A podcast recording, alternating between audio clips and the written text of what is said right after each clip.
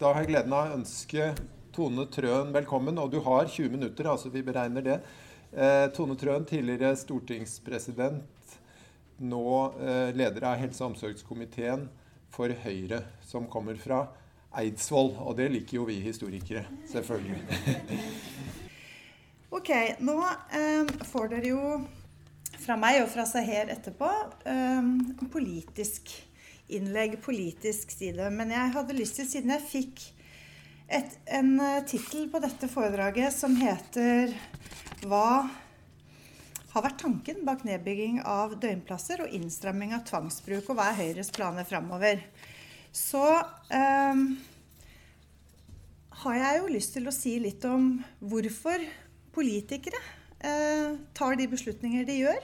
Og det er jo på bakgrunn av det som skjer Særlig med innspill fra fag, faglig hold og samfunnsutviklingen. Og det er jo det som ligger til grunn for de beslutninger som tas i Stortinget. Dette er jo en tid hvor det er travelt på Stortinget, og det vet dere sikkert. Eh, vi har denne uken behandlet to eh, store stortingsmeldinger i, i Stortinget. Eh, og på torsdag så behandlet vi opptrappingsplan for psykisk helse fra regjeringen. Jeg kommer litt tilbake til den eh, senere. Først så kunne jeg tenke meg å redegjøre litt for historikken. Og nå kom jeg nå, og jeg har ikke hørt de foregående innleggene, så da må dere beklage hvis det blir noe repetisjon. Men øh, det er jo ingen tvil om at en helt ny fase i, i norsk psykiatri ble markert ved den nye loven helt tilbake i 1961, som erstatta den gamle sinnssykeloven fra 1848. Og da fortsatte institusjonsoppbyggingen. Og nye institusjonstyper, sånn som psykiatriske klinikkavdelinger ved somatiske sykehus og psykiatriske poliklinikker, fikk stadig større betydning. Og dere vet at antallet døgnplasser i psykisk helsevern da vokste. Så de siste tiårene har tallet på voksenpsykiatriske døgnplasser i spesialisthelsetjenesten blitt kraftig redusert.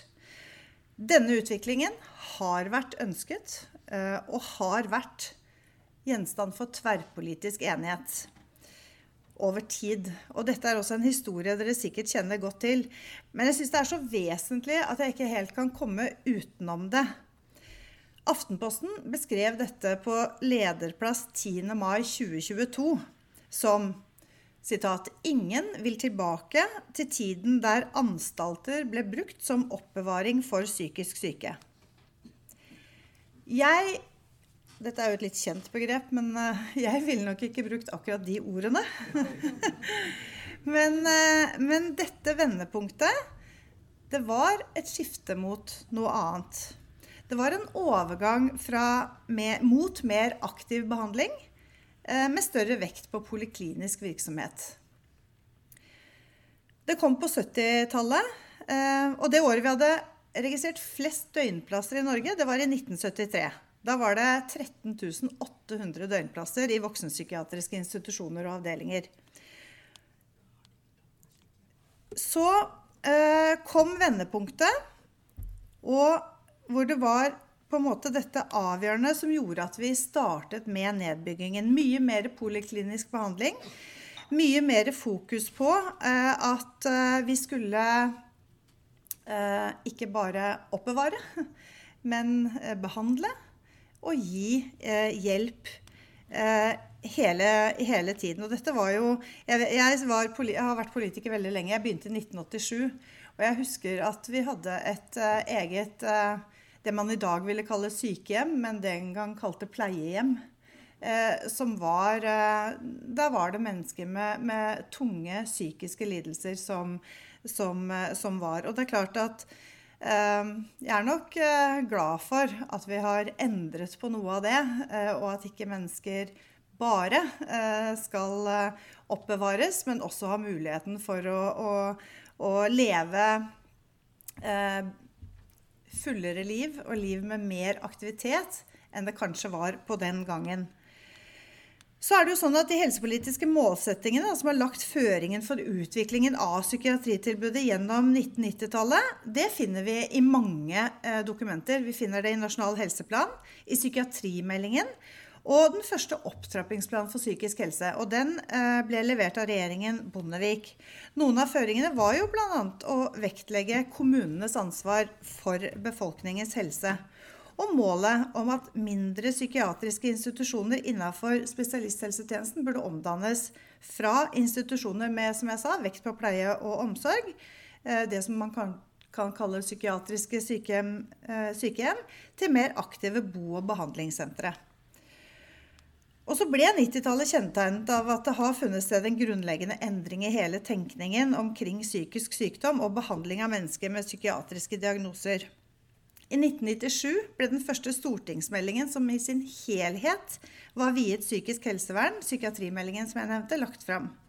Der var sentrale stikkord økt ressursinnsats, omstrukturering av tjenestetilbudet, geografisk fordeling og økt effektivitet.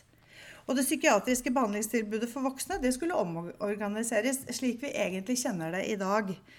Um, distriktspsykiatriske sentre, psykiatriske sykehusavdelinger og privatpraktiserende spesialister med, med, driftsavtale, den gang med fylkeskommunen, men senere også da med spesialisthelsetjenesten.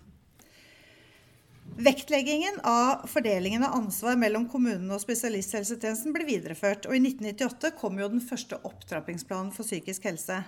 Der eh, ble målene konkretisert, og det fulgte penger med planen. Eh, og det er jo egentlig først nå denne uken, på torsdag, at den neste forpliktende opptrappingsplanen for psykisk helse med penger ble vedtatt i Stortinget. Regjeringens opptrappingsplan ble, ble vedtatt. Vi som er i opposisjon, hadde selvfølgelig mange andre forslag også, men i stort ble den vedtatt. Og det er en styrking på 3 milliarder over ti år, som er regjeringens ambisjon på, på dette feltet. Um, så uh, På 2000-tallet så ble mer og mer oppmerksomhet rettet mot bruken av tvang. Og det har dere snakket om uh, allerede mye i dag. Og I 2010 så oppnevnte regjeringen Stoltenberg et uh, lovutvalg som skulle utrede regler om tvang innen psykisk helsevern. Og den utredningen ble levert til helseminister Anne Grete Strøm Eriksen i juni 2011. Men det ble ikke fulgt opp før i 2016. Da eh, satte Bent Høie eh, ned et utvalg. Da fulgte han opp utvalget og la fram endringer i psykisk helsevernloven som omhandlet da krav om samtykkekompetanse, som jo også er en viktig del av diskusjonen i dag. Da er det jo viktig å huske bakgrunnen for de endringene. Norge ble kritisert for at bruken av tvang i psykisk helsevern ikke var i tråd med menneskerettighetene. Og Samtidig som Stortinget behandlet lovproposisjonen til behandling, så kommer VG med en stor sak som avslører alvorlige lovbrudd og et stort omfang av lovbrudd i bruk av tvang mot pasienter. Jeg husker saken veldig godt. Den gjorde dypt inntrykk på mange. Og statsråden, altså helseministeren, måtte jo komme til Stortinget noen uker etterpå for å redegjøre for det som ble omtalt som massive lovbrudd i psykiatrien. Ifølge VG forekom det 4000 tilfeller av beltelegging i 2015, fordelt på 1200 personer. Og avisa fant at rundt 650 av sakene så var tvangsbruken omstridt eller alvorlig. Og dette er jo etter at journalisten hadde forelagt materialet selvfølgelig for forskere og jurister med kompetanse på tvang. Så i januar 2017 så vedtar jo et enstemmig storting endringer i psykisk helsevernloven. Der det blir innført krav om samtykke i psykisk eh, helsevern for de tilfellene der pasientene er samtykkekompetente. Men som dere jo vet, eh, det gjelder jo ikke tilfeller der pasienten utgjør en nærliggende eh, og alvorlig fare for andres liv og helse. Jeg har møtt mange fagfolk som er og har vært uenige eller bekymra for den endringen. Og jeg tror det er veldig viktig at vi har åpne og ærlige diskusjoner om dette. I 2019 så bestilte jo Bent Høie en ny rapport som eh, viste behovet for framskrivninger når det gjelder eh, døgnplasser og poliklinisk behandling i psykisk helsevern. Den rapporten, altså den fremskrivningen, den ble gjennomført av de regionale helseforetakene. Og den rapporten viste at eh, man ikke skulle ytterligere bygge ned døgnplasser. At eh, man måtte se på fordelingen av døgnplasser eh, mellom helseregionene. Og at man på noen områder måtte bygge opp døgnplasser. Og da var det særlig snakk om barn og unge. Så kom pandemien, og etter pandemien så eller underveis i pandemien så bestilte regjeringen en ny eh, gjennomgang av behovet for døgnplasser og poliklinisk behandling. Og den eh, kom i 2021. Eh, og den endret bildet. Der, sa man tydelig at det er behov for å bygge opp flere døgnplasser i psykisk helsevern. Um, og fram til 2040 er framskrivingen, framskrivingen 7% økning av døgnplasser i psykisk helsevern. Dette er det de regionale helseforetakene selv som har um, framskrevet. Og en så høy som 15% økning, økning av polikliniske eh, plasser, altså dagtilbud til, uh, til, uh, til pasientene. Hvis jeg skal forsøke å oppsummere spørsmålet som jeg er invitert til å besvare, så hva har vært tanken bak nedbygging av døgnplasser? og innstramming av tvangsbruk, og hva er Høyres planer framover?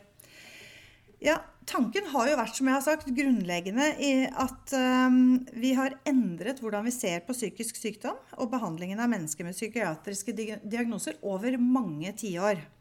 Uh, det har vært ansett som bedre og mer verdig å tilby tjenester der pasienten bor, og tilby pasienten aktiv behandling. Og tanken har vært å finne en bedre praksis for bruk av tvang. Redusere ulovlig bruk av tvang og forebygge behovet for bruk av tvang.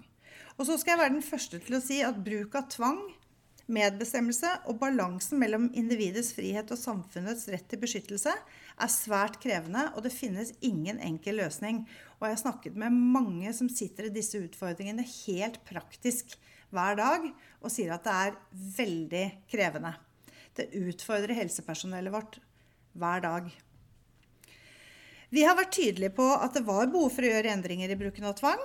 Eh, og som sagt så var det et enstemmig storting som gikk inn for det. Men som spørsmålet jeg så klokt har fått, så hva er veien videre? Når det gjelder dette med tvang, så har et ekspertutvalg 15.2, eh, tror jeg det var, levert eh, en vurdering av den lovendringen som ble foretatt. Den viser i stort at innføringen av samtykkekompetanse var riktig og bør videreføres. Eh, den er ute på høring. Høringsfristen eh, gikk ut i november. Eh, og vi kommer i hvert fall i vårt parti til å sette oss nøye inn i det. og også ha med oss den de innspillene som vi får fra, fra, fagfolk som jobber med dette. Så syns jeg at det også er riktig å løfte noe av det som, som ble sagt i det forrige innlegget helt på slutten fra, fra um, Statens undersøkelseskommisjon. vi er nødt til å tenke litt mer gjennom om vi jobber for snevert. Eh, og det tror jeg kanskje er noe av det som i veldig stor grad også gjør at mange som opplever å ha en psykisk lidelse, eh, synes det er eh, krevende fordi tilbudet på behandling er for smalt. Og det er for lite helhetlig. Personlig, må jeg nesten si, men også fra Høyres side, har vi vært opptatt av at vi må ha et mangfold. Jeg er jeg mener at mer recovery-basert, personsentrert behandling også er viktig. Og, og, må få mer gjennomslag i psykisk eh, helse. Eh, det kan ikke være sånn at en time på DPS-et er det som tilbys. Eh, og at man lever med ganske store utfordringer hver eneste dag, både selv og i familie. Og det er klart at interessante aspekter som også kommer opp knyttet til, til pasienter som som er i psykose, eh, og hvordan vi skal møte de pasientene bedre. Og så er det de tunge, vanskelige sakene der vi ser at eh, døgnplasser f.eks. i norsk eh, psykiatri opptas i veldig, veldig stor grad av mennesker som er dømt til tvang. Og egentlig kanskje legger beslag på døgnplasser som andre pasienter også hadde hatt behov for. Og da er det jo litt interessant å se om framskrivningene eh, på 7% helt fram til 2040 faktisk holder. Eh, eller om vi må eh, utfordre og få enda bedre tall på om det, om det blir, blir, nok i årene framover. Er det noe som er helt sikkert, i hvert fall, så er det at vi både må ta, ivareta samfunnets vern. Vi må sikre at de som de som kan utgjøre en fare for seg selv og andre, får den type eh, hjelp eh, og behandling som de trenger. Men vi må også sikre at alle de som ikke er farlige, alle de som er alvorlig syke, men aldri utgjør noen fare for seg selv eller andre, får den hjelpen de trenger i norsk helsetjeneste i årene framover. Dette er vanskelige um, og krevende diskusjoner. Og vi som er politikere, trenger jo fagfolk som er tydelige.